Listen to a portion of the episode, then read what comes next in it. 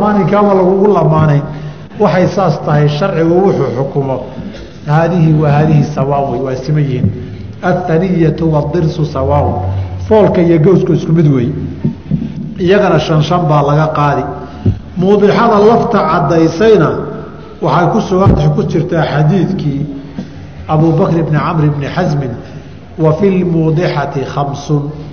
Muudixadaasi asal ahaan waa nabarada madaxa iyo wejiga ku dhaca ee lafta caddeeyaa la yidhaahdaa kuwa dhudhunka iyo gacanta ku dhacee laf caddeeya muudixa lama yidhaahdo cinda jamhuuri ahli اlcilmi say u badan yihiin. Wa fii kulli cudwin xubin kasta. Oo laa manfacata fiihi wax faa'iidaa aan lahayn. Xukuumatun qadar baa waajibi. Qofka qaadigii iyo ahlulkhibraha loo keenay baa waxu qiimaynoo waxu qadari xukuuma taasaa la yidhahdaa marka qaarkood waxay ku leeyihiin xukuumata cadlin qof caadil ah oo dhexdhexaad oo khibrad la kaashanaya baa qofkaa wax u soo qiimeynaya o u soo qaadaya. Xubinku inuusan manfaco lahayn waa dhici kartaa in manfacadiisu sharcan ahaan ama aadamaha iyo uunka khilqiya abuur ahaan aan wixii caadiga ahaayee la yaqiinay uusan ahaynna waa noqon karaa inuusan manfaco lahayn dhibaato gaartay baa keeni karta. Gacantii naafay noqotay way qallashay iligamuuba qallalo uu madoobaaday waxbaba ma goyn karo wax ma qaban karo. Dhegtani wayba qallalan tahay oo iyadu waxaa weeye foolxumay oo meesha ugu taallaa haddii la rabo laakiin la'aanta inay dhaantaa laga yaabaa waxyaabaha waa keeni karaan. Inaynan intaa midna ahayne gacanta shan farood oo min tobanaa lagu ogaa soo maaha lix hadday noqdaan. Oo tii lixaad intay ku qabtaan ay kaa gooyaan.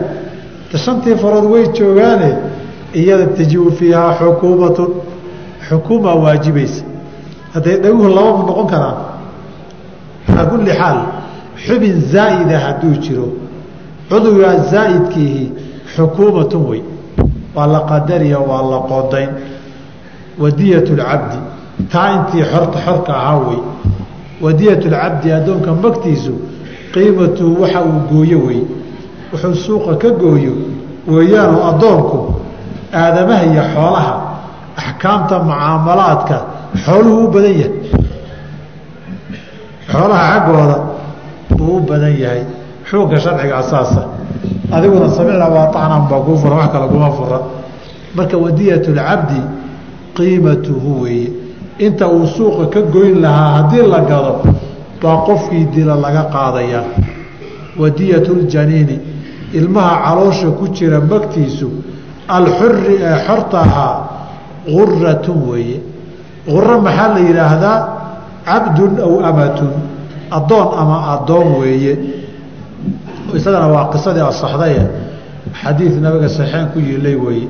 Nabig alay slam wuxuu xukumay ilmaha caloosha ku jiray baa nabar baa lagu dhuftay ilmihii oo meydaa soo dhacay. Ilmihii sidaa ku soo dhacay. Waxaa boqol kiiba boqol inuu noolaa oo nolol ku dhalan lahaana lama hubo. Oo nabarkan u dhintay. Inuu sidiisa kalaba ousan marka horeba naf ku jira usan nolol isagaba dhasheen baa laga yaabaaye. Guratun baa ka waajibaysa cabdun aw amatun ka waajibaysa marka waxay yidhaahdeen guradaasi waxay u dhigmaysay waagaas riwaayaadka qaarkood sida ay tilmaameen oo haddii aan la haynin khamsun min alibili ah shan geelay ahayd bay yidhahdeen shantaa geela ah waxaa loogu qiimeeyey markii shantii loo loo eego magta hooyadii oo konton ahayd imise u dhigantaa shantii? Boqolkiiba toban soo ma toban meelood meel weeye boqolkiiba haddaba toban meelood meel magta hooyadii weeye ilmihii janiinkii xorta ahaa oo guratun cabdun aw amatun fain lam yajid fa khamsun min alibili bay yidhaahdeen. Shan geelaa laga doonayaa. Shanta geela ana hooyadii oo xor ahayd oo magteedu konton ahayd boqolkiiba toban bay uga dhigantaa iyo cushur bay uga dhigantaa.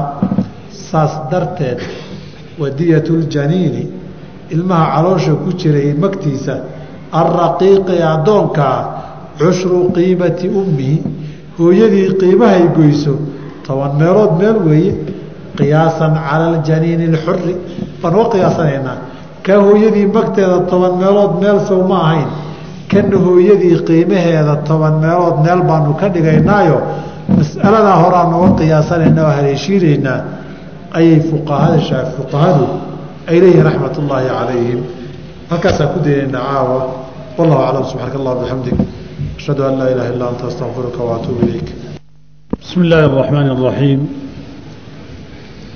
الحمد لله رب العالمين صلى الله وسلم على رسوله الأمين وعلى آله وأصحابه أجمعين wman tabicahum bixsaani ilaa yowmi اddiini ama bacd waxaan soo gaarnay halka uu yihi faslun oo ku saabsan waxaa curfiga nusuusta iyo fuqahada loo yaqaano fi اlqasaamati qasaamadu waa min alqasam oo labadii dhinacee wax isku hayay ayaa mid waa midkood dhaaranaya. Haddii uu dhaartii ka baqana dhinaca kalea lagu celinayaa waxa la ysku haystana waa dhiig. Qof la dilay oo dad loo haysto caddayn rasmigana aan loo haynin laakiin ay jiraan waxyaabo tilmaamaya in qofkan la dilay dadkan iyo aaggan iyo dadkan la haystaay aanu ka dheerayn dhiiggiisu. Astaamiya calaamadaa jira masaaha caddayn ku filan. Insha allahu kitaabu dacaa walbayinaad baan kaga hadli doonaaye. Maqsadka iyo hadafka shariicadu dadka qof waliba xaqi uu lahaa inuu helo wey. Haddii ay dhacda xaqiisii waxyaabo tilmaamaya xukunna caddayn ahaan aan ku fillayn inay jiraan qaababay shariicadu u xallisay ee ula dhaqantay bay leedahay masalada ka qaacida ahaan iyo faahfaahinteeda iyo adilo iyo xujaj ereyga aan idhi u raadintiisu waxaad qaybo ka mida ka helaysaa labada kitaab ee kale ah aduruqulxukmiya fi siyaasati asharciya alxaafid bn alqayim aljawsiya uu leeyahay iyo kitaabka la yihahdo tabsiratu alxukaam fii usuuli alaqdiyati wa manaahiji alxukaam ee ibni farxuun ilmaaliki uu leeyahay. Jinsuladila markay ka hadlayaan iyo maqsadka iyo hadafka shariicadu waa wixii sida ugu fiican xilliga iyo zamaanka iyo goobta la joogo. Qofkan xaqiisii lagu gaadhi karo waxuuna lagu xaqiijin karo iyadoo dulmi iyo xadgudub laga fogaanayo. Taasaa asaaska ah insha allahu intaa wixii ka badan waxaan kaga hadli doonaa kitaabu lbayinaati bayinaadka iyo markhaatiyada iyo isqabsiga iyo aymaanta dhaaraha markaynu gaarno. Laakiin waxaad ogaataa mar kastaba qaaciidadu waa aslu lbaraa'a qofkan inuusan waxba dembi gelin weeye ilaa caddayn ku filan loo helo ama caddayn kala dhiman loo helo. Haddaad qaado iyo xukun joogtana waxa kow qadiyadi ka bilaabato xukunkeedana aada ku ogaan karto yaa la haystaa yaase wax haysta inaad kala ogaato wey saa darteed bay fuqahada qaarkood yidhaahdaan tamyiizu xaali اlmuddaci wاlmuddacaa calayhi jumlaة اlqadaa'i waqaca qadaha iyo xukunka duubduub yaa la haysta ah yaase wax haysta inaad kala socdo baa asaas iyo lafdhabar u ah. Haddaba qofkii waxaystay albayinatu cala almuddaci caddayntu waxay noqon kartaa mid dhammaystiran iyo mid kala dhiman labadaba.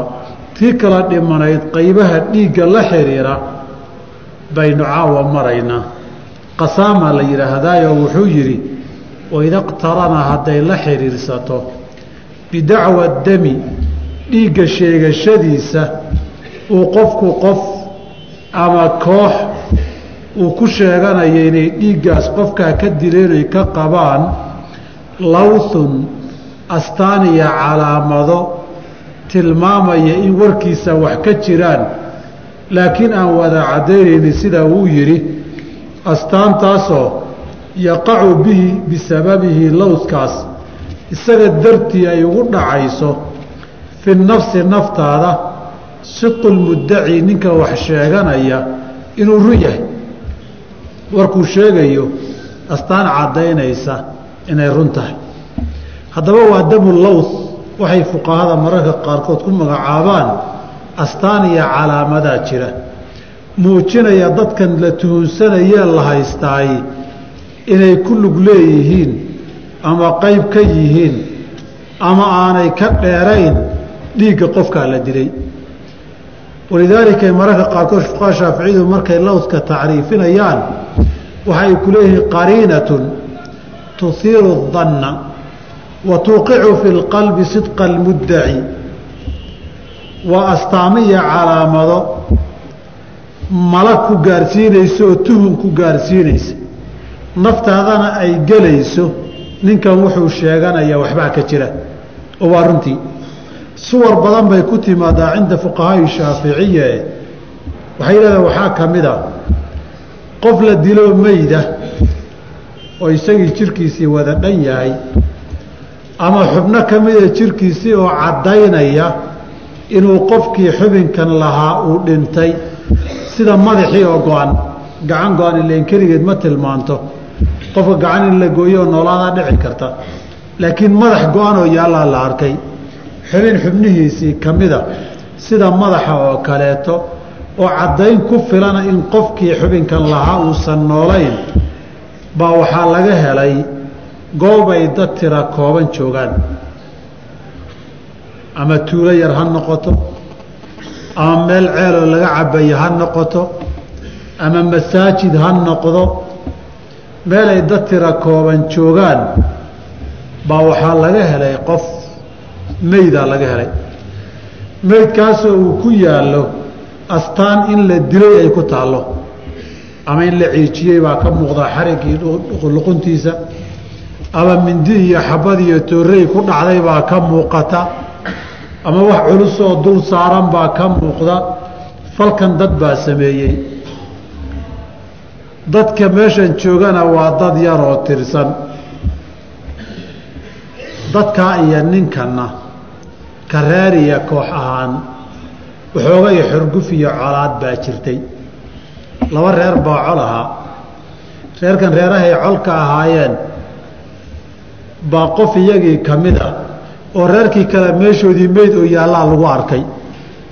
Halkaa markaad eegto dadku waa dad kooban.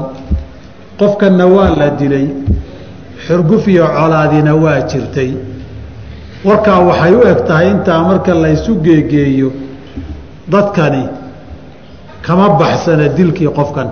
Taasi waa keeni kartaa waxaa kaloo keeni karta dad meel isugu yimid inay qof meyda kaga dareeraan meeshii masaajidkii baa zaxmad ka dhacday. Gaari baa si xooga lagu fuulayey ama lagaga degayey dadkii markay kala dareereen meesha isugu yimid qof baa meyda nabar in la dilayna waa ka muuqdaa. De qofkan isagu isma diline yaa dilay. In la dilay baa muuqato astaantii iyo nabaradii baa ku yaal. Dad baana meeshan kula la joogay oo kala dareeray. Dadkii waa la yaqaan. Warku waxaa weeye dadkaasi kasiya kama kii ay noqotaba qofkan dhiiggiisu kama baxsan oo kama dheera. Waxay noqon kartaa laba qola islaayey ama laba kooxood baa dagaal dhex maray. Dagaalkii gacan baa la isula tegay ama rasaas baa la ysku furay. Labadii dhinac midkood baa markii goobtii laga kacay baa rag ka dhintay. Meyd qoyan baa yaallooo meyd waa hore ahaa maaha. Labadana meeshana dagaal baa ka dhacay. Qoladii qofku ka dhintay yay u badan tahay inuu qofkaa ka dilay. Waa dhici kartaa waagi hore seefaa la isla dhici jiray nin dadkiisiia inuu ku dhuftay waa dhici kartaa laakiin xaggay u badan tahay. Dadkay islaynayeen bay u badan tahay.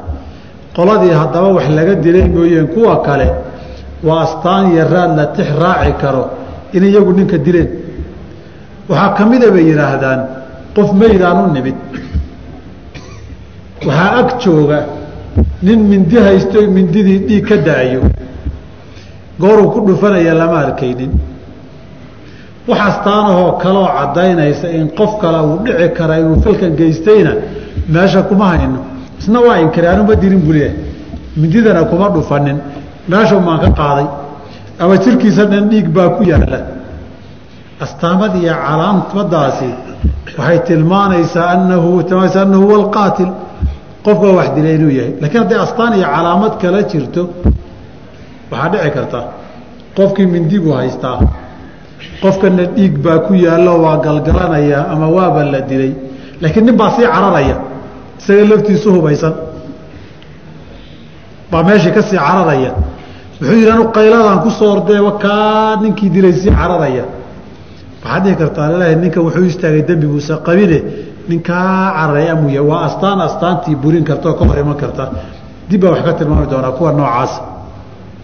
Ninka sidaasoo kaleeta isaguna inkirsan isagana waa la dhihi karaa niyow astaantani waxay tusaysaa ninkan dhiiggiisa inaad ku lug leedahay. Waxaa kaloo kamida yidhaahdaan qofkan dilkiisa qof baa lagu markhaati kacay. Laakiin dadka markhaatigii markhaatigii sharcan wax lagu salayn jiray maaha carruur yar yara. Baa meeshii meydkii marka lagu soo diday waxay dhaheen hebel baa dilay oo ka cararay. Caruur yar yaroo sibyaana markhaatigooda wax laguma dhiso laakiin lawth iyo calaamad weeye. Intaasoo caruura waxay u yidhaahdeen ninkanaa dilay. Waxyaaba saas oo kaleeta ah. Waxaa ka mida bay sheegaan oo kaleeta mararka qaarkood fuqahada shaaficiyadu in dadkii warka laysla dhexmarayoo dhan ninkii hebelaa hebel baa dilay baa la leeyahay anaa joogay lama hayo. Wax markhaati noqda lama hayo. Munaasabadiiyo sababuu ku dilay lama garanayo. Laakiin dadkii afkoodii yar iyo weynba waxaa uun la leeyahay hebel baa dilay. Tuhum bay dhalin kartaa. Ninku hadduusan dilin dadkao dhan hebel baa dilay maxaa ka yersiiyey astaamaha noocaasihi waxay noqon karaan raad la tix raaci karo oo qofkii loo qabsado. Adiladeedu waxay yidhaahdeen laba daliilba way leedahay. Min alkitaabi wa min asunati labadaba. Amaa kitaabka qur'aanka ah qisatu yuusuf bay u daliishadeen markii ay gabadhii intuu u soo galay fastabaqa albaaba waqadat qamiisahu min duburin waalfa yaa sayidahaa lada lbaab markii ay ninkii odayga ay ridda ku arkeen iyadoo la is-eryanayo bay hadalka kala horeyso maa jazaau man araada an yafcala biahlika suwan ilaa an yusjana aw cadaabu aliim. Isna waa doodo waa isdifaacay hi can nafsii buui shaahidkii hadlay ama aynu niraano sabi yaroo hadlay buu ahaa ama nin oday oo caaqil oo meesha ka tala bixiyey buu ahaaye in ninkii wax ku xukumay xukunkaa la tix raacayna sax iyo xaq iyo sawaab ahaa oo yuusuf uu beri ahaa astaantaana lagu gartay ayaa qur'aanku sheegay. Wuxuu yidhi in kaana qamiisuhu qudda min qubulin fasadaqat wahuwa min alkaadibiin haddaad isagoo xagga hore ka jeexjeexan aragto nin weerar ahaayoo la iska maradu halkaasaa uga dilaacday dheh. Wain kaana qamiisuhu qudda min duburin fakadabat wahuwa min asaadiqiin haddiise shaatigu dhabarka ka dilaacsan yahay nin cararayoo la soo qabsanayay baa dhabarka laga qabsadaa. Waan cararayey halkanaana ijeexan iyo weerar buu igu soo ahaa dhabarkaanan qamaradiisii ka jiido oo ka jeexay isma leh. Laakiin caddayn ku filan ma ahee sidii lawskii wey amaa sunnadu nabigaa sidaa yeelay calayhi salaatu wasalaam laba nin oo reer ansaareeda baa khaybar oo yuhuuddii khaybar oo heshiis kor laga yahay. Weligoodna hoosta utun iyo colaad iska qabay. Bay beerihii tageen. Beertii markay tageen la dhex wareegayey bay labadoodii kala baxeen ninna xaggaasuu u dhex wareegay ninna xaggaasuu u baxay mid baa ninkii kale waxoogay markuu waayey soo raadiyey hebelow suu lahaa. Ninkii oo fariqlaynaya oo galgalanaya oo la gowracay cidnana aynan la joogin buu yimid. Nafar bini aadama lama joogo. Ninkiina waa gowracan yahoo waa galgalanaya wahuwa yatashaxatu fii damihi naftu weli kama bixinba laakiin waa nin gowracan nin gowracan maa kula hadla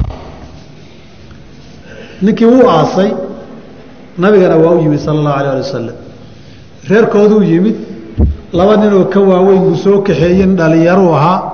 Nabigaa loo yi ala slam waran baa la yidhi adiga. Inuu warramo markuu damcay nabiga afdhabay oo aamusiiyey. Akhyaar kaa waayeelsan baa joogtee. Horta hadalka iyagaa sii buu yihi kabir kabir ama kabirilkubara weynida sii weynida weynee saa darteed majaalista haddii laysugu yimaado hadalka furitaan iyo ku horeyn cuqaashiiyo ciroolka waayeelkaa iska leh. Intaanay carruurta dhallinyara yararkaa hadlin. Laakiin waayahan dambe wax waxay soo ogol baaba la waayeba calaa kulli xaal adaabu lmajaalisti daro taas. Way warrameen markii dambe isagay faahfaahintii xogogaal ahaa ee ku soo wareegtay. Nabigu cala salaam wuxuu ku yidhi nimankii reer yahuud ahaa imaa an yaduu saaxibakum wa imaa an yu'dinuu bixarbin inay dagaal ku dhawaaqaan iyo ninkii magtiisa inay bixiyaan labadaa mid wey markaasuu wuxuu ku yidhi isagii nimankiibuu waraaq u diray nabig ala salaam. Way soo jawaabeenoo waxay dhaheen mana aanaan arag mana aanaan urin mana aanaan dilin warna uma hayna ninka wax ku dhacay nimankiibuu yeeraa nabig ala slam wuxuu yidhi wareedha intaad dhaarataan ninka magtiisii qaata waxay yidhahdeen maba aanaan goobjoog ahayn wax goobjoog ahana maanaan arage seen isaga dhaarannaa wuxuu yidhi haddaba iyagu ha idiin dhaartaan. Oo qola aan ilaahayba rumaysnayn dhaartooda seen u aaminaa oon ugu kalsoonaanaa bay yidhaahdeen. Nabig ala slam isagaa magtiisii siiyey min ibili sadaqati buu ka siiyey. Qisadaa waxay tilmaamaysaa ninkeeda reerkana hoostana col baa laga ahaa iyaga dhexdoodaana lagu dilay. Meeshiina iyaga unbaa joogay laakiin lama arkaynin waa tuuladii labada reer ee colka ahayd nin meyda oo reerkii kalaa laga dhexelay wey. Saas darteed haddii ay la xiriirsato bidacwa demi dhiigga sheegashadiisa aada sheeganaysay lawsun calaamad iyo astaan baa la xiriirta. Yaqacu uu ku dhacaya fi nafsi nafta bihi bisababi lawsi calaamadaa iyo astaamaha ku xeeran dartood sidqu lmuddaci ninkan wax sheeganaya ee dacwoonaya inay runtii tahay bay kuula badanaysaa. Xalafa almuddaci ninkii sheeganayay wuxuu dhaaranayaa khamsiina yamiinan. Konton jeer buu dhaaranayaa. Wastaxaqa wuxuu mudanayaa. Addiyata mag buu mudanayaa. Halkan wuxuu tilmaamayaa. Marka koobaad waxaad taqiinay in dhaartu albayinatu cala almuddaci walyamiinu calaa man ankar. Qofka wax inkiraa wax loo haystaa dhaarta lahaan jiray masaladani waa ka duwan tahay marka. Maadaama ninkii muddaciga ahaa asal ahaan waxaa lagu yaqaanaa waa qowlka mujaradka ka ah wax daliiloo laku filaada asalkii baraa'adana khilaafsan. Saa darteed baa dhaar kuka maxaa la yidhaahdaa isagaa asalkii khilaafay oo qofuusan waxba ku lahaan jirin waxbaan ku leeyaha yidhi laakiin qariinadan iyo astaantani markay xoogaysay nin waxleh buu ekaaday. Asalkii in la khilaafana astaamo tilmaamayaa la helay. Isagaa dhaartii la siiye marka.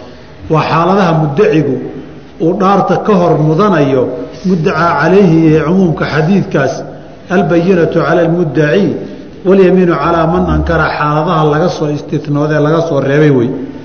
Ninka muddaciga aan lagu horeyn ee wax sheeganaya ee dhiigga sheeganaya. Arrintaana waa arrinta nabiga cala salaam. Nimankii reer yuhuud markay soo inkireen nabigu reerkii reer ansaareed ahaa buu kaga bilaabay. Markaasuu wuxuu yidhi atastaxiquuna dama saaxibikum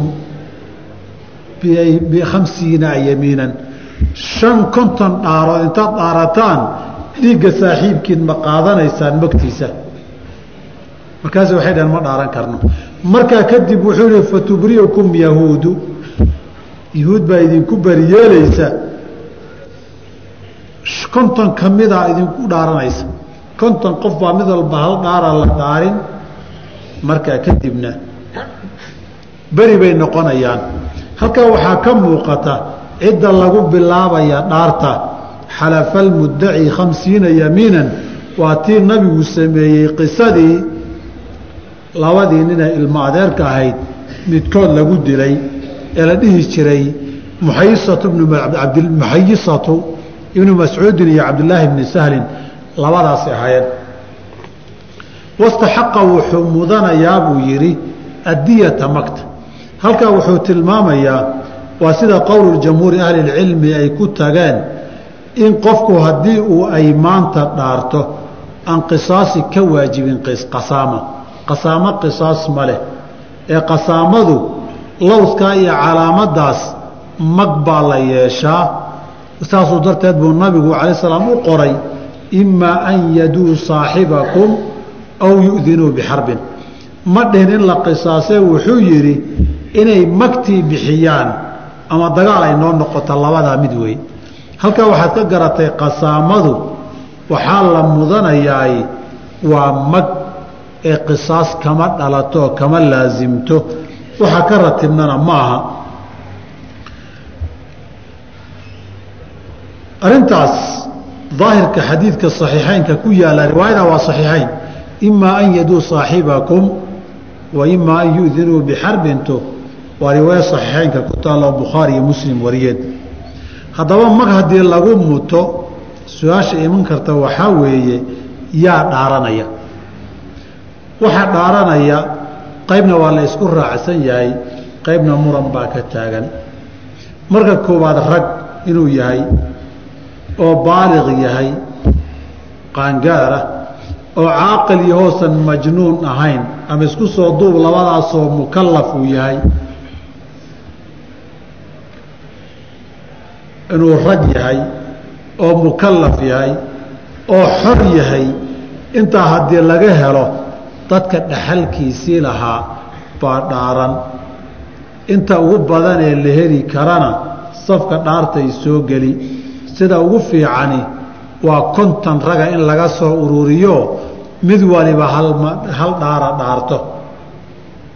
Haddii ay ka yar yihiin intaana inta ay dhaxalka ku leeyihiin baa dhaarta loogu qaybin. Masalada waxaa ka dhalata bay yidhaahdeen qasaamada dhaarteedu ma qaybsanto laakiin xaqa lagu mudanayo uu qaybsamaa. oo konton dhaarood ka yar waxba lagu yeelan maayo xaqa. laakiin dadkii warasada ahaa qaarkood hadday diidaan dhaartii qaarna konton dhaarood dhaartaan ninka konton ka dhaartay xaqii uu dhaxalka ku lahaa unbuu qaadane dhaxalkii o dhan wada qaadan maayo. Magta wuxuu ka mudan intuu dhaxal ahaan ugu yeelan lahaa kontonkii dhaaroodna waa inuu maraa marka kontonkaa dhaarood marka la dhaarto ee magtaa la muto lowskii shuruud buu leeyahay ama si kale haddii loo dhigo waxyaaba waxaa ka jira jebin kara oo dhaartii iyo xaqii aada yeelan lahayd kuu diidi kara. Shuruudda waxaa ka mida bay yidhaahdeen haddii manaa kayaaba burinaya waxaa ka mida haddii qofkii wax lagu sheeganayay ee loo haystay ninkii mindida lagu soo qabtay inuu yahay ama qoladii meeshan gaariga iyo ka degtay ka wada degtay meesha albaabka ka wada baxday uu yahay ninkii loo haystay hadduu yidhaahdo aniga kuma jirin dadkii. Dadkii meesha maalinkaa joogay maba ku jirinba anigu. Lowsku waxay noqotaa inuu ku jiro inuu ogol yahay laakiin uu leeyahay aniga waxba kama ogi shaqana kuma lihi amaba uu yidhaahdo ani banaankana la iga soo qabsaday. Ninkii mindida watee la qabtay ani ma ahayn. Waxay u baahan markaa darajo ka horeysa lowska in la maro oo la caddeeyo ariiqi lbayina markhaati lagu caddeeyo. Ninkan inuu ahaa ninkii mindida watay dhiiggale la qabtay. Ama dadkii meesha joogay inuu ku jiro ee la haysto. Taa haddii la caddayn waayo de baabulqasaama maba geli kartaba haddii kale nimba nin intuu iska soo qabsado dadkii uu ku jiray iska dheeraa. Soo caddee dadkii ku jiray ninkii lagu qabtay arrintaasi isaga inuu ahaa markaa kadib bay lowskii iyo baabulqasaamadii ay geli kartaa yidhaahdeen. Waxaa kaloo burin kara xaqaaga dadkiini dhaxalka lahaa haddii warkiinu iska hor yimaado. Oo ninuu yidhaahdo annaga nimankan u haysana ama ninkan. Nina yihahda maya beentii weeye kaas weeye ninka dilay ka kale yihahda beentii weeye kaa weeye warkiina wax ka soo qaad ma laha. Baabulqasaamana ma soo gelaysay yidhaahdeen. Midda lag saddexaadi ee wax u dhimi karta waa inaan qofkii qofku uu dilay gaarba loo garanaynin. Haddii aad tiraahda ninkani labadaa midkood buu dilay laakiin ma kala garanayo baabulqasaama ma aha. Ninkan uu dilay waa inaad tiraahdo si waxa loo haystee loo qabsanayaay ha iyo maya isagii uga timaada wax la garanayana u noqdo waxyaabahaas kale hadday dhacaan haddaba xaqaagii qasaamada waad waayi wain lam yakun hadduunan ahayn hunaaka booska iyo makaankaas. Lawthun calaamad iyo astaan ninkan lagu haysta haddayna jirin falyamiinu dhaartu cala almuddacaa calayhi. Ninka wax lagu sheeganaya dushiisa weeyo albayinatu cala almuddaci. Walyamiinu calaa man ankara qaacidadii baa lagu noqon. Waayo wax qariino oo muddaciga hadalkiisa xoojinaysa ma laha waxaana soo tilmaanay culimmadu inay ku tacriifiyeen falmuddaci man qowluhu mujaradu min aslin aw curfin bisidqin yashhadu. Asal iyo curfin midnaba qaraa-in waxu markhaati kacaya mujaradaho ninku nin banaan socdunbuu intuu soo qabsaday buu dhiig baan ku leeyahay ama xoolu iga qabaa warya alla ilaahay yaqaana warni wa qaaba qaba agga isku aragnay. Ninkani asalku inuu beri ahaa weeye waa inaad soo cadaysataa muddaciga kaasaa la yihahdaa kadib wuxuu yihi mualifku raximah اllahu tacaala wa calaa qaatili الnafsi ninkii naf dilay almuxaramati la xaaraantinimeeyey dilkeeda kafaaratun kafaara laga rabaa cidqu raqabatin baa laga rabaa bedel dheh ama khabarun limubtadain maxduufin ka dhigo wahiya cidqu raqabatin qoor in la xoreeyo weeye mu'minatin alla iyo nabigiisa rumaysay saliimatin ka badbaaday min alcuyuubi ceebaha almudirati dhibaysa. Fain lam yajid haddaanu helin fa siyaamu shahrayni mutataabicayni laba biloodoo wada jira baa laga doonayaa inuu wada socda inuu soomo. Halkan wuxuu mualifku ka dhigay nafta dilkeedu waa laba qaybood imaa inay bannaan tahay naftu aynan macsuumo ahayn wa imaa inay naf macsuumo oo in la dilaa ay xaraam tahay ahayd. Nafta macsuumada ah asal waxaa waa nafta qofka muslimka ah.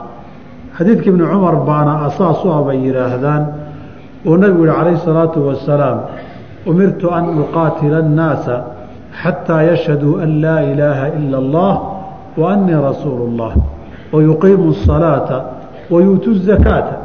فإذا فعلوا ذلك عصموا مني دماءهم وأموالهم إلا بحق الإسلام وحسابهم على الله. cala allahi dhiigoodiiyo naftooda in la badbaadiyo xadiid kale nabigu xaajatulwadaac uu ku khudbeeyena waa tilmaamee jaabir iyo keyrka ay wariyeenoo u ina dimaa'akum wa amwaalakum wa acraadakum xaraamun calaykum ilaa akhirkiisa saas darteed asalka nafta qofta muslimkiihi waa inay macsuumatu dami dilkeedu inuu xaaraan yahay weeye.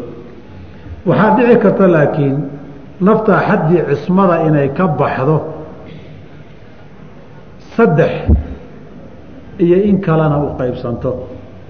Ka bixitaanka in la dilo ay bannaanaato imaa xaddan in loo dilayo wa imaa tacsiiran in loo dilo labadaba waa bannaan tahay waxaa mararka qaarkood loo dilaa xaddo waa xadiidkii ibni mascuud. Laa yaxilu damu mri'in muslimin ilaa biixdaa talaatin. Qof muslima dhiiggii ma bannaana in la daadiyo saddex ma ahane annafsu binnafsi. Naf buu dilay waa loo qisaasayaa waa baabkeeda. Waatayibu azaani isagoo hore u soo guursaday guri xalaal oo saxiixa reerna soo arkay buu mid xaaraan iyo zina ku dhacay wayna ku caddaatay ama qiraal ama markhaati mid ay noqotaba waataariku lidiinihi almufaariqu liljamaacati ninka ridoobay ibnu cabaas xadiidkiisii bukhaari wariyey ahaa man badala diinahu faqtuluuh madaxa iyo unuunka hala jaro hala dilo. Saddexdaa xaddan baa loo dili qaybo kaloo badanoo waxaa jira iyagana tacsiiran iyo lifasaadihim loo dilayo.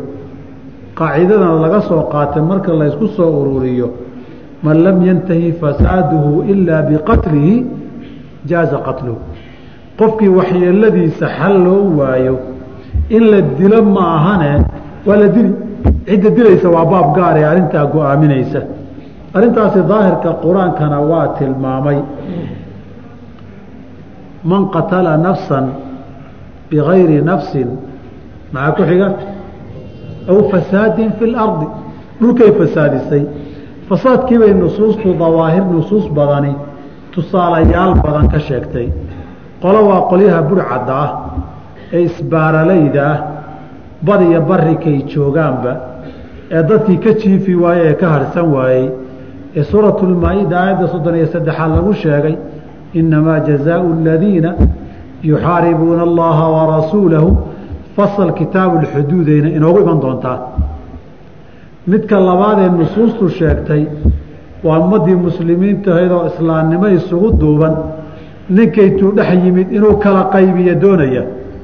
Kala qaybintaa laba weji midkay u dhacdaba isagana unuunka in la jaraa bannaan. Ama isaguba ha yidhaahdo hal nin baa ummadda madax iyo mas'uul u ahaaye anigaa rabo oo qayb baan la jabayaa ha yidhaahdoo nabigu yidhi idaa buyica likhaliifatayni laba nin madaxtinimo haddii bayco lagula galo faqtuluu laakhira minhumaa. Kan dambe dila kan dambaa dhibki iyo balaayada wale ama isaguba taa yuusan xataa gaarine dadkan inuu qaybiyo ujeeddadiisu ha noqoto dhibkiisii warkadaana laga waayo. Nabiguna waa ka yidhi xadiidkii muslim iyo kayrkii wariyeen man ataakum wa amrukum jamiicu calىa rajuli waaxidi yuriidu an yufariqa jamaacatakum faqtuluuhu fadribuu cunuqa. Ninkaa unuunka hala jara balaayo ka badan buu soo wadaay ninka daroogeystaha ah ee laga kari waayey ee iyadii oo miilan noqday daroogadiisu ama khamri xashiishad ha noqoto ama qaaduu ku jaanjaaman yahay ha noqotee isagana haddii si kale looga maaran waayo. Waa cudur ummadda ku fidiya joogitaankiise. Dan haddii loo arka isna unuunka hala jaro wey. Nabiguna xadiidkii jaabir iyo kayrkii waa kii ku yihi man shariba alkhamra fajliduuhu. Ninkii bahasha caba shaabuuga. Uma in caada fajliduuhu. Hadduu ku noqdo ku shaabuuga. Uma in caada ahaaliata saddex bar saddexaad hadduu ku noqdo fajliduuhu hala shaabuugo akharu riwaayaati cadad sheegtay uma in caada araabicata mar afraad hadduu ku noqdo fajliduuhu hala jeedlo. Qaar baa waay taladay ka dhigeen. Qaarna waxay dhaheen uma in caad shariba alkhaamisata tashanaad hadduu cabana fadribuu cunuqahu ninka waa daroogeysto daayarti jiilasha dambuu fasaadine kani ummadda hala dhaafiyo. Waa daroogeysto mudxay oo ku gaamulo oo ku gaboobay weeye. Saas darteed gidaara jiifta xashiishada meel walba la wareegta xal kale haddii loo waayo in la xaqo xabaalaha lagu daraay tacsiiran bay u bannaan tahaye laakiin jihadii wilaayada lahayd baa taqdiirinaysa zamankeeda waxay daniyo maslaxadii ku jirto. Inahaasi waxay ka mid yihiin waxyaabaha badan ee dadka loo dilo waxaa ka mid a nin weynoo intuu soo istaagay neef xoolaa kufsaday baa ka mid a oo ay ku caddaatay. Man man waqaca calaa bahiimatin faqtuluuhu waqtuluu lbahiimata iyadana sheegeeda yuusan harine markaaba hala gowraco hala dilo. Isagana waaba dhaqan xumee ninkan dadka hala dhaafiyo. Hadduu xoolihii u soo dhigtay hadda kan dadka hala dhaafiyo isaga isagana waa xadiid nabiga ka sugan calayh isalaatu wasalaam. Waxaan uga jeedaa riwaayaad tira badan oo sidaasoo majmuucoodu oo fasaadin fi lardi ah baa jira. Dawaabitol muhimkee la tixgeliya u baahan waxaa weeye man lahu lxaqu wamataa goorma iyo yaa fulinaya xukumka mas'aladaasun hasalaha la fiirsado dadkaasaa markay ahal u noqdaan bay taqdiirinayaan tacsiirtan qofkan qaabka ay ugu samaynayaan laakiin asalku man lam yantahi fasaaduhu ilaa biqatlihi jaaza qatluhu. Saasay yidhaahdaan qaacidada nusuusta badan iyo daahirka aayadaasood ay fasirayaan oo laysu geeyey baa qayb ka ah. Saas darteed nafta muslimka ah haddaynan qaybtaa tacsiirka ah ama qaybtaa xuduudda soo gelin asalku macsuumo weeye ilaa fii masaa'ili tatarusi inay gaaladu biduruuc difaac ka dhigtaanoo iyagoo muslimiinta ku soo siqayoon waxba badbaadinaynin ay iska soo horreysiyaan waa masalo kale iyadiio waa bayna almaslaxa walmafsada w iyaduna nafta gaalkuna gaalku haddii uu dimi yahay muslimiinta nabad ugu dhex nool ama muslimiinta kuma hoos noolee heshiis iyo nabad baa ka dhaxeeya heshiiska iyo nabadda ama ha sinaadaan garab ahaan ama muslimiintu maamul iyo awood ahaan ha hooseeyaan ama gaal dunida muslimka ku yimid inay dad muslimiinihii keeneen oy u keeneen inuu magangeliyo mutay oo wax soo arko xaaladaha haddii uu yahay isagana naftiisu waa macsuumo oo kafaara ka waajibi. Kafaaradu inay ka waajibta gaal iyo muslimbana aayadda suuratu nisaa baa sheegtayoo fain kaana min qowmin baynakum wa baynahum miihaaqun fadiyatu musallamat ilaa ahlihi maxaa ku xiga wa taxriiru raqabati muumina waa nin gaalaho dadkiisa nabad idinka dhaxaysay mag iyo kafaara la iska rabaa wey waa naftiisu macsuumay ahayd in la dilana ma banaanayn saa darteed buu wuxuu yihi mualifku waxaa ka waajibaya calaa qaatili nafsi اmuxaramati naftaa in la dilay xaraam ahayd muslim iyo gaal waxay dooniba ha noqotee kafaaratun baa ka waajibaysa. Kafaaradaasi maxay tahay? Qur'aankaa sheegayo cidqu raqabatin wahiya cidqu raqabatin qoor in la xoreeyo weeye muminatin. Qoortaana wa taxriiru raqabatin muminatin. Naska aayadda weeye. Wuxuu ku daray shardi ah saliimatin ka badbaaday min alcuyuubi almudirati ceelaha ceebaha dhibaya. Fuqahada agtarkooda ereygaa waxay ku daraan min alcuyuubi almudirati fi lcamali qof shaqaysan kara waa inuu yahay. Qof gacmo go-an ama curyaanahoo fadhiyaay xorayntiisa laga aqbali maayo kafaara ahaan. Waa qof markaad xorayso banaanka istaagi kara oo ismaamuli kara oo isagu wax isku fillaan kara oo shaqaysan kara oo xamaalan kara waa inuu yahay rag iyo dumarkuu dooniba ha noqde. Fain lam yajid hadduunan helin fa siyaamu shahrayni mutataabicayni. Laba biloodoo isku xigta inaad toos u wada soonto baa waajib kugu noqono.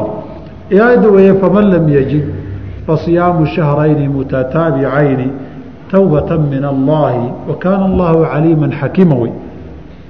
Haddaba kafaaradaasi qatligu wuxuu ahaa saddex qaybood mid gaf khaalis ah iyo mid ulakac saafi ah iyo mid labadooda udhaxeeya mid inay ka waajibayso naska qur-aanka weeye wamaa kaana limuminin an yaqtula mu'mina ilaa khaطأa waman qatala mu'mina khaطأa fataxriiru raqaba gafku hadduu qalad yahay oosan ka siya ulakac dilku aanu ahayn oo gaf yahay inay kafaaro ka waajibaysa waa nas.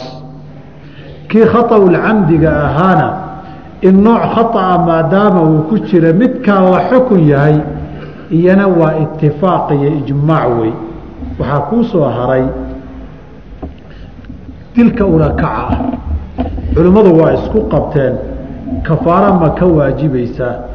Jamhuuru ahlilcilmi waxay ku tageen inaan dilka ulakaca kafaaro lahayn ee qisaas ama magtii muqalladadahayd haddii lagu cafiyo uu leeyahay. Waxayna arrintaa u cuskadeen waxay dhaheen qur'aanku laba dil buu ka hadlay mid ulakaca iyo mid kamaa ku jiro. Kii kamaa ku jiray diye iyo kafaara la yidhi. Kan kalena cadaab baa loo sheegay kafaaro laguma darin mar haddii daliilku kala qaaday midna kafaaro ku daray midna aanu ku darin de inayna ku jirin baan halkaa ka garanay bay yidhaahdeen. Waxaa kalooy cuskadeen iyaguna wax dil waajibiyey dunuubta iyo macaasida dilka waajibisa wax kafaara gudle kumaanan arag bay yidhaahdeen. Sawmada arag haddii la dilo oo la qisaaso itifaaqan kafaaro laguma laha. Sawmadan arag ninka zinaystay bacda ixsaanin haddii la dilayo oo rajmi lagu dilayaay isna kafaaro laguma laha. Cuquubada ugu adagee qof la saari lahaabaa la saaray bacda alqatli laa cuquubata. Adduunyadan ciqaab lagu gaarsiiyo oo dil ka dambaysa miyaa jira? Wax kastoo lagu wadaay. Marka u dambaysa cuquubada adduunka u adag ee qof la gaarsiiyo waa in la dila yihahdeen tiina waa lagu xukumay ninkii.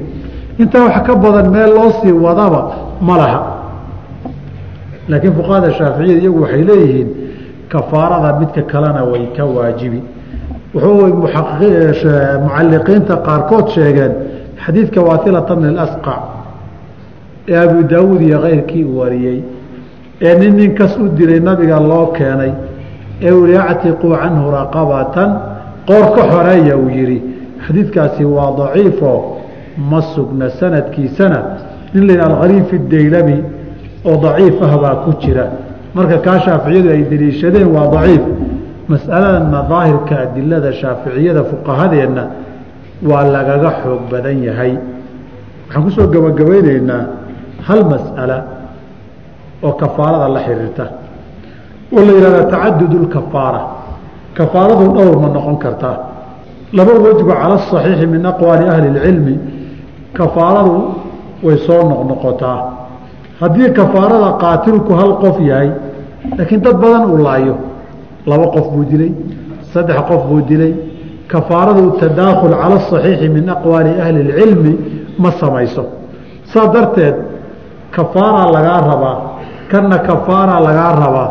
Inta qofee uu dila qofku mid walba kafaaraa laga rabaa haddii jinsigii qatligii noocii kafaaradu ka waajibaysay uu yahay waxaa labaaday kafaaradu ku tacadudaa taa cagsigeeda hadday halkii qof dhowr qofii wada dilaan oy dilkiisa wadaagaan ma hal kafaaray bixinayaan maya. Mid walba kafaaro gaara kafaara gud gaara laga rabaa.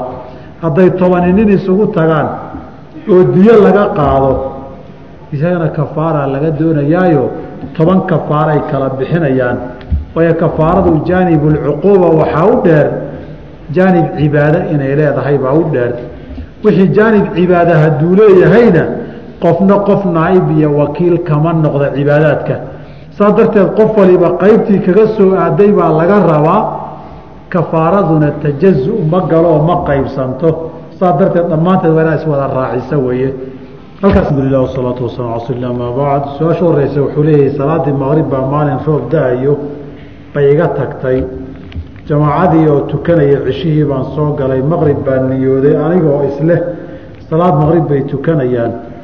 Salaadoodii afar bay noqotay anna maqrib baa niyooday maxaan sameeyaa? Horta maqrib markaad niyooday waad saxnayd saddex markaad tukatay iyagu ragcadda afraad u kacaana taxiyaad baad u hari.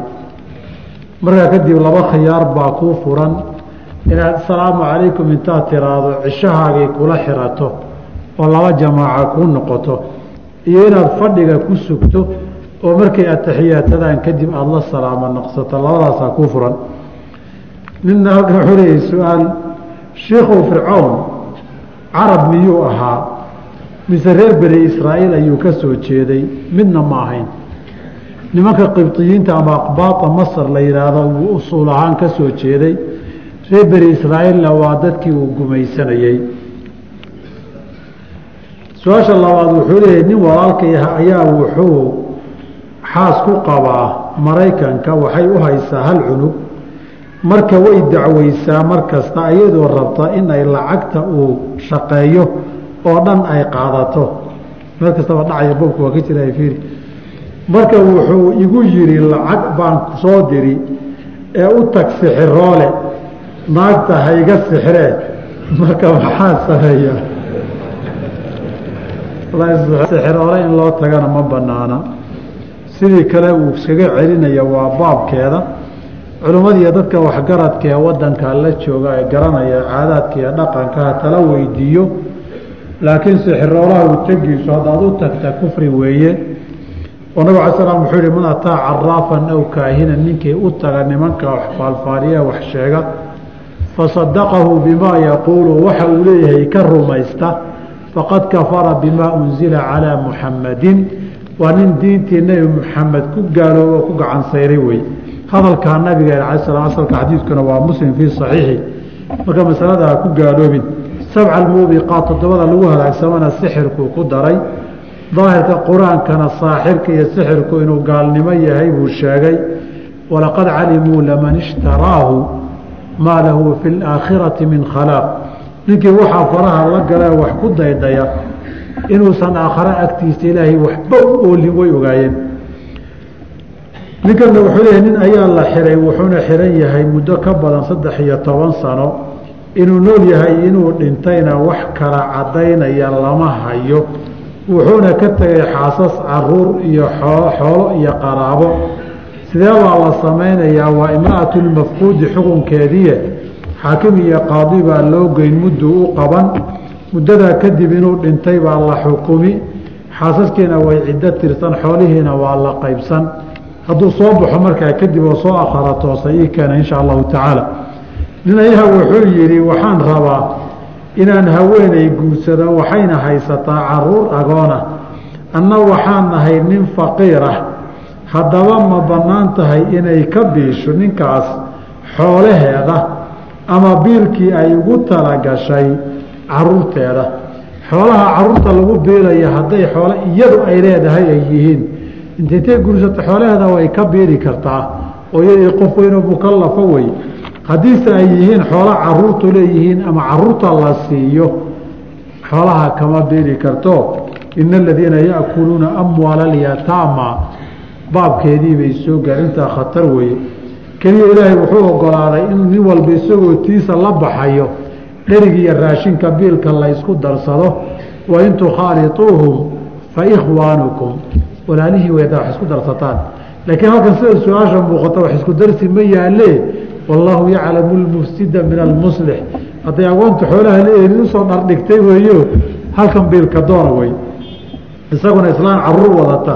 Waxaa laga yaabaa si kale uma rabeene biilkaasuu u socdaa xoolaha agoonta hala dawaryaano salaan kadib shiikow ma jirtaa in amiiru lmu'miniin cumar bin اlkhadaab radia allaahu canhu intuu xukumay xukunka hayay uu hakiyey xadka gacangoynta sababo abaariyo gaajo jirtay la xiriira sheekadaa waa sheekadii maxamed dalmar maalin dhaweeytay b b c-da ka aqriyayey wax saliya raadtoonalahoo sugan ma aha camur ramaadaha waa jira. Laakiin cumar inuu yihi intaan ogahay ma sugna. Dadka xuduudaha laga daayo. Shiikow waa ka waa ka waa ka waa ku salaamay. Haye. Haddii aan asalaamu calaykum dad kale waan kaa qaadi lahaa laakin maxaan ku dhahada haddii aan qof kastam ah dayn ku yeesho oo igu inkiro lacagta tartiib ma uga goosan karaa asagoo ogeyn maya. Ninkan lacagta inaad ku sheeganayso ood ku leedahay wax caddaynaya hadduu inkiray albayinatu cala almuddaci walyamiinu calaa man ankara. Haddaadan caddaynba haysaninna markaad bixinaysa xoolahaagii qoraal iyo markhaati la'aan adaa bixiyey ilaahayna qur'aanka wuxuu horay inugu yidhi wax kala qorta. Idaa tadaayantum bidaynin ilaa ajalin musaman faktubuuhu kala qorta. Qoraalkii iyo cadaymihii marka adiga aada samaysan weyday xoolahaaga inaad weyday aakharo baad insha allahu tacala helaysaa. Sheekha iyadoon dowlad caam ah oo islaamiya uusan jirin koox gaar ah ma fulin kartaa xukun islaami ah oo weliba xaddulxiraabo ah xaddulxiraabo wax gaar u khasisaya garan maaye. Waa mas'alo ay culimmadu isku hayaan. Hadday jamaaca xoog badan ay jirto oo awooddo inay fasaadka ka hor tagto inay arrintaas samayn karaan. Rag badan oo culimmaha ka hadlay sida imaam alxaramayn fii khiyaai lumam fi iltiyaati lumam kitaabka la yidhaahdo ibnu qudaamaba uu ku ishaaray fi lmuqni fii kitaabi iljihaadi uu ku tilmaamay ama sheekh islaam ibnu teymiyaba fii majmuuci alfataawa meelo dhowra uu kaga hadlay. Sheekh waxaan rabaa in aad wax iiga sheegto mas'alo ku saabsan qur'aanka meel khaas ah ma isku akrin karaa sida mara yaasiin igu akriya inaan dhaho. Sideedaba qur'aanka markaad qeyb gaara keliya ka dooranayso hase ahaatee waxaa intaana ka akriyayso mid waxaan u malaynaya waan isla ogolah waxaad gaarkan ugu xilatay baa jira. Waxaan uga jeedaa waxa aad ka rumaysan tahay baa jiro mare yaasiin ay qaban karto. Laakiin qur'aan kale haddii la mareeyo uusan qabanaynin caqliga saxiixii waxaad kan kun jeer ha laygu akriya aada u tiri waxaad ka rumaysan tahay keligii inuu tari karaa jira. Arrinta haddaad daliil u haysana de way bannaan tahay haddaan daliil loo hayninna waa ictiqaad faasidahe warka ayuusan kuu soo dhuumanin camalkaagana waa qur'aan waxaad la macaamilaysee bidaca buu gelayaa gabdhaha muslimaadka ah haddii aanay safrayn suuqa ma ka shaqaysan karaan haway ka shaqaysan karaan aadaabtii iyagoo ilaalinaya. Xilligii nabiga ala slam beerahana waa soo goosan jireen darahood iyo shaqadoodana waa qabsan jireen. Xushmadii iyo asturaantii iyo aadaabtii iyo anshax wanaaggii inay ilaaliyaan baa laga doonayaa. Waxaynu soo marnay in ninkii nin u dilaa kas uu magta keligii bixinaayo soomaaliduna way la bixiyaan. Haddaan diido ka waran haddaad diiddo sharcan xaq laguguma laha dadkan la bixinaya hadday iyagu ku xisaanfalaanoo ay iyagu ku taageerayaan. Cidna cid ha taageerin sharcigu ma dhaho. Qof baad ka wada qaadi kartaayoo anaa idin siina iska sii daayaad dhihi kartaa. Laakiin qasab sharcan laguguma laho. Siday tii gefkayda haddaad diiddo aakhare dembi laguu qabsan maayo. Adiga tolkaa waxaad kala maashaanba. Walaashaydii walaa walaashaydii buuli waxay guursatay nin gaal ah. Haddaan dilo maxay ka qabtaa shareecada islaamku?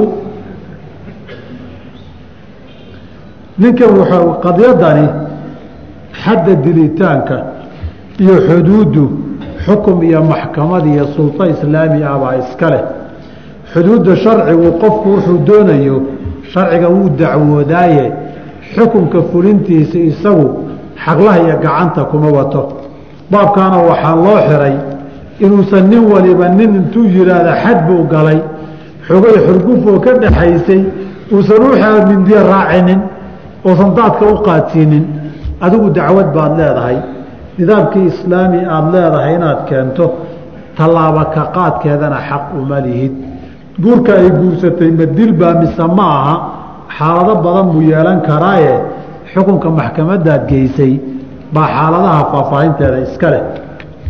Ninkan wuxuu leeyahay ninbaa wuxuu weydiina weydiinayaa lacagta gobolaha lagu hormariyo. C d f ta miya lacagta c d f ta waddanka laga yihahdo miya lagu hormariyo. Ee magaceeda la yihahda ha c d f ninkii la siiyo oo dhaho wax ku oo la dhaho wax ku dhis ma u xalaalbaa mise waa xaaraan? Arrintaasi de waa lacag mujtamaca haddii wax wanaagsan loogu qabanayo. Shaqadaad qabanaysana shaqo xalaala ay tahay. Way bannaan tahay dhib ma laha laakiin shaqo xun ku qabana lama ogola. Adna khiyaaniya musuq maasuq kuma bannaana ninka qaybinayey inaad saami iyo sheer ugu darto mashruuca iyo projectiga markaad soo gudbinaysana sida waxaan u n t hay'aduhu ku shaqeeyaan oo kaleeto ah iyana kuma bannaana sheekh sidey ku dhacday in jaabir radi allaahu canhu uusan guurkiisa nabiga sala allahu alayh ali wasalam ogaanin oo qof kale u meheriyo iyadoo aan ognahay inay saxaabadu aada u jeclaayeen nabiga sal ly slam wareedha curfigaa kaa maqane nabigu jaabir keliya ma ahane cabdiraxmaan ibni cawf. War waa sidee maalmahan see tahay markuu yidhi wakiili waan guursaday. Gabadh reer ansaadaan guursadayo calaa wasni nawaatin min dahabin baan meher uga dhigay. Awlin walow bishaatin waa kii lahaa in wadaadka meherka lala soo socodsiiyo. Waa wax gadaal ka yimido. Caamadii badatayna lagu xakamaynayey waxoogay biil iyo mushaarna laga heli jiray. Marka qadiyadaas nabiga ala slam caadina ma ahayn. Curfiga sharcigana ma ahayn. Cid baa guursanaysiiyo walaayadeed. In nabigu xukum sharci oo la xiriira la weydiinayo ama isaguba walaayada raadkeedu soo gala maahane cidi lama soo aadi jirin hadda wadaadka magaalada joogay guurkii uusan joogintu wax waa dambeena soo galay weeye. Laakiin ninkii bil ka qaadanaya sax u samaynaya hal iska siiyo.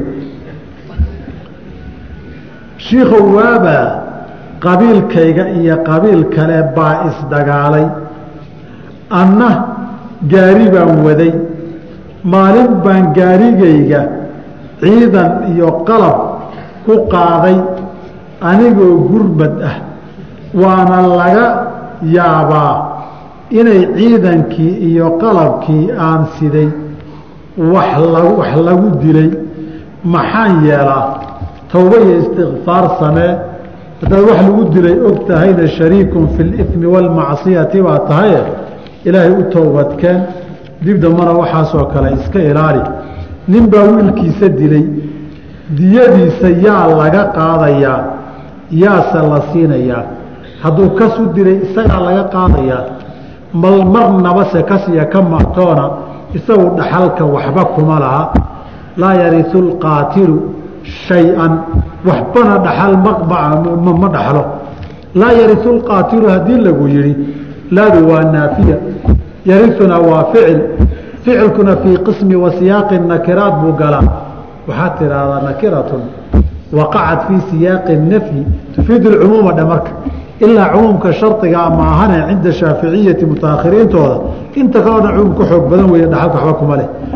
Su'aasha labaad qof baa gacantiisa xaddu sariqa looga jaray kadibna dhiigbax buu u dhintay. Madiyuu leeyahay mise waa hadur maya